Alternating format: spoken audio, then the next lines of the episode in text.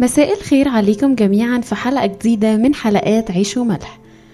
ظهور الملائكة للرعاة الحراس.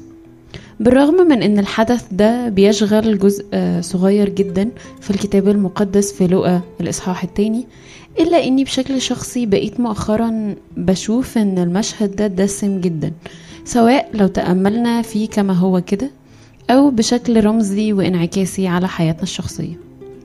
خلينا نقسم الحدث زي ما هو مكتوب إلى جزئين. الجزء الأول بيقول وكان في تلك الكورة رعاة يحرسون حراسات الليل على رعيتهم وإذ ملاك الرب وقف بهم ومجد الرب أضاء حولهم فخافوا خوفا عظيما. فقال لهم الملاك لا تخافوا فها أنا أبشركم بفرح عظيم يكون لجميع الشعب. أنه ولد لكم اليوم في مدينة داود مخلص هو المسيح الرب. وهذه لكم العلامة تجدون طفلا مقمة مضطجعا في مذود وظهر بغتة مع الملاك جمهورا من الجند السماوي مسبحين الله وقائلين المجد لله في الأعالي وعلى الأرض السلام وبالناس المسرة. الرب أعلن عن نفسه هنا للرعاة من خلال بشارة الملاك ليهم.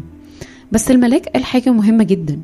بتدعم البشارة أو يعني منحتها مصداقية الملاك قال لهم العلامة إن الطفل هيكون في المكان الفلاني في الوضع الفلاني. يعني علامة إرشادية تفصيلية وواضحة جدا. نفسي النهاردة نتلقى الحدث ده بشكل شخصي يعني مش حدث تاريخي وله بعد روحي للتأمل وخلاص. لأ نطبق كل خطوة فيه على حياتنا الشخصية. لأن حقيقي الحدث ده بشكل خاص يصلح لكده جدا. الرب حي وموجود وأعلن عن نفسه لكل العالم وده واضح جدا في الكتاب المقدس وتعاليمه لكن إمتى وإزاي بيعلن لك أنت عن نفسه في حياتك الشخصية؟ هل أنت حاطط شكل معين للإعلان ده وبتشترطه يعني؟ ولا قلبك وعينيك مفتوحين لإعلانه لك مهما كان شكل الإعلان ده؟ هل لازم الرب يظهر بشكل خارق زي ما ظهر ملاكه لموسى بلهيب نار؟ هل بتقول زي توما مش هصدق إنكم شفتوا يسوع غير لما أشوف آثار الصلب عليه وكمان ألمسها بأصابعي؟ المشكلة مش إن توما شك المشكلة إن توما حط قالب معين ومرضاش يستغنى عنه وحدده لصورة واحدة معينة لظهور الرب. أو إعلانه لهم أنه مازال حي ورفض أي شكل تاني لهذا الإعلان. طيب عمر الرب أعلن لك عن وجوده في حياتك بشكل عام أو في موقف معين بدون دليل قاطع على هذا الوجود أو هذا الإعلان؟ زي علامة الملاك للرعاة؟ لو شخص أعلن لك عن وجوده بدون دليل قاطع هيبقى ده سبب كفيل جدا إنه يفقدك في الثقة تماما ونهائيا. في يشوع الإصحاح الأربعتاشر آية 23 الكتاب بيقول وها أنا اليوم ذاهب في طريق الأرض كلها وتعلمون بكل قلوبكم وكل أنفسكم أنه لم تسقط كلمة واحدة من جميع الكلام الصالح الذي تكلم به الرب عنكم. الكل صار لكم لم تسقط منه كلمة واحدة. في أحداث كتيرة قوي في العهد القديم والجديد بتأكد إن الله بيعلن عن وجوده في مواقف معينة وحياة أشخاص و لكن قصدت إني أستشهد بجزء يشوع ده بشكل خاص لأن بني إسرائيل كان الله بيوعدهم ويعلن لهم عن وجوده في مواقف مختلفة وأوقات مختلفة كمان كتيرة جدا وبشكل متنوع ومفيش إعلان ما تأكدش أو أي وعد منهم ما تحققش. منذ اصطحاب موسى لهم. بعد الاطلاع على مجموعة مقالات وأبحاث خاصة بتربية الأطفال لقيت كده نقطة مشتركة جدا في كل ال... يعني الأماكن اللي قريت فيها وهي إن وفاء الأهل بوعودهم لطفلهم أو عدم وفائهم هو المقياس الأساسي لثقة الطفل فيهم أو إنه ما يكونش واثق فيهم. والأب اللي أرسل ابنه يتعذب و... ويصلب وضحى بيه عشان خاطر أولاده في هذا العالم مستحيل. يبقى عايز يخسرهم عن طريق فقدان الثقة فيهم. وده بالنسبة لي المنطق الأساسي اللي بيأكد لي إنه الله مستحيل يعلن عن نفسه أو عن وجوده لأي حد من ولاده في حياتهم الشخصية وفي أي موقف من مواقفهم الحياتية من غير ما يكون في دليل ملموس وشافي جدا وواضح جدا على وجوده هذا أو عن الإعلان ده. دعونا ننتقل للجزء الثاني من الحدث ألا وهو رد فعل الرعاة من بشارة الملاك ليهم بميلاد الطفل يسوع الإله المتجسد. الكتاب قال في الجزء ده ولما مضت عنهم الملائكة إلى السماء قال الرجال الرعاة بعضهم لبعض لنذهب الآن إلى بيت لحم وننظر هذا الأمر الواقع الذي أعلمنا به الرب.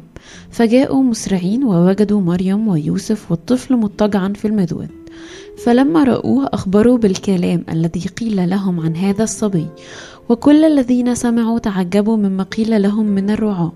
وأما مريم فكانت تحفظ جميع هذا الكلام متفكرة به في قلبها ثم رجع الرعاة وهم يمجدون الله ويسبحونه على كل ما سمعوه ورأوه كما قيل لهم. دعونا نفترض إن الرعاة قالوا لنفسهم لا يا جماعة ممكن قوي يكون متهيأ لنا إيه اللي حصل ده إزاي يعني ملاك يظهر لنا و إيه الكلام اللي هو بيقوله ده؟ طفل إيه اللي اتولد وازاي الطفل هو الإله؟ وهو ده اللي هيخلص الناس وهيخلصهم من إيه؟ وليه ميلاد طفل واحد يبقى هو سبب فرح عظيم للشعب؟ لا إحنا مش فاهمين حاجة والكلام ده غير منطقي بالمرة. ليه نسيب شغلنا؟ دي مسؤولية كبيرة ونروح نشوف الطفل ده. لا خلينا قاعدين ونكمل نشوف شغلنا. كم مرة بنعمل كده فعلا؟ كم مرة بنقول لا أكيد ربنا مش هيظهر بالشكل المعين ده. ربنا مش عجيب أو قدير للدرجة دي. ربنا طرقه مش مختلفة جدا. ربنا لو عايز يوصل لي هيقول لي أنا هنا في المكان الفلاني وهبقى موجود وهساعدك بالشكل ده بالشكل ده وبس. يؤسفني أشارككم بنتيجة عدم الثقة في إعلانات الرب أو تجاهلنا ليها لمجرد إننا مش عايزين نصدق إنه عجيب وقدير لهذه الدرجة. وده لأن بتجاهلنا للإعلانات دي بنكون حرمنا نفسنا من من نعم مختلفة وجديدة. وقد تكون نعمة من النعم دي بمثابة نقطة محورية جدا في حياتنا الشخصية. أو حتى لو مش في حياتنا الشخصية حتى لو في مصير مجتمع محيط مثلا. يعني تعالوا نتخيل لو الرعاة ما كانوش راحوا كانوا هيبقوا على الأقل حرموا نفسهم من نعمة إنه يكون تم تبشيرهم بميلاد الإله المتجسد خلونا نوضح إن العلامة في قصة ظهور الملاك للرعاة اللي الملاك قال لهم عليها ممكن في حياتنا الشخصية تكون ليها أكتر من نوع. ممكن تكون بمثابة زي ما بنقول كده طاقة قدر واتفتحت لنا يعني تكون فعلا نقطة محورية في حياتنا وتكون turning point وتغير حاجات كتيرة قوي وتنقي حاجات كتيرة قوي. وفي نفس الوقت ممكن تكون بمثابة طوق نجاة يعني إنه زي ما أكون أنا في الصحراء وإذ بي أعثر على ورقة مكتوب عليها ان على بعد كذا متر هنلاقي بير مية. على قلبي قوي إننا نكون بنصلي ربنا بخصوص النقطة دي يعني إنه إحنا اوقات كتيرة قوي مش بنبقى عايزين إن العلامة تبقى واضحة قوي كده علامة ظهوره في حياتنا وتواجده في حياتنا إن هي ما تكونش بنفس الوضوح بتاعة العلامة اللي كانت على لسان الملائكة للرعاة. وفي نفس الوقت أوقات بنبقى لأ مش قادرين ندور ولا نبحث ولا أي حاجة وبنبقى عايزين إن هي تكون واضحة إلى ذاك الحد. أو التانية بنكون عايزين إن هي ما تكونش واضحة علشان بنعتبر إن ده فرض من ربنا علينا وإن هو بيأمرنا أو إن دي بمثابة سيطرة منه وهو أبعد ما يكون عن كده. على قلبي قوي اننا نصلي من أجل إن ربنا يدينا القفزة الإيمانية اللي تخلينا نفتح قلبنا وعينينا إنه نصدق إن هو عجيب وقدير وطرقه وإعلاناته مختلفة جدا سواء بشكل عام أو في مواقف حياتية خاصة جدا سواء تجارب أو تحديات.